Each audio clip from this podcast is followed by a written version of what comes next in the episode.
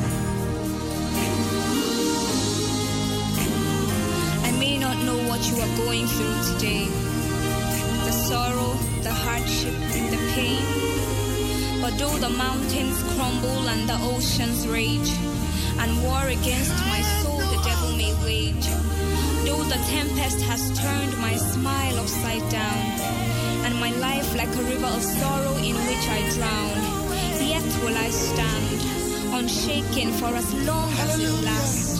Faithful is he that promised, and it shall come to pass. If God be for us, then who can stand against? The God who spoke all the earth into form. He said, Let there be light, let it be bright, let there be day, let there be night. Out of the sound of his voice, birds, fish, and trees did come.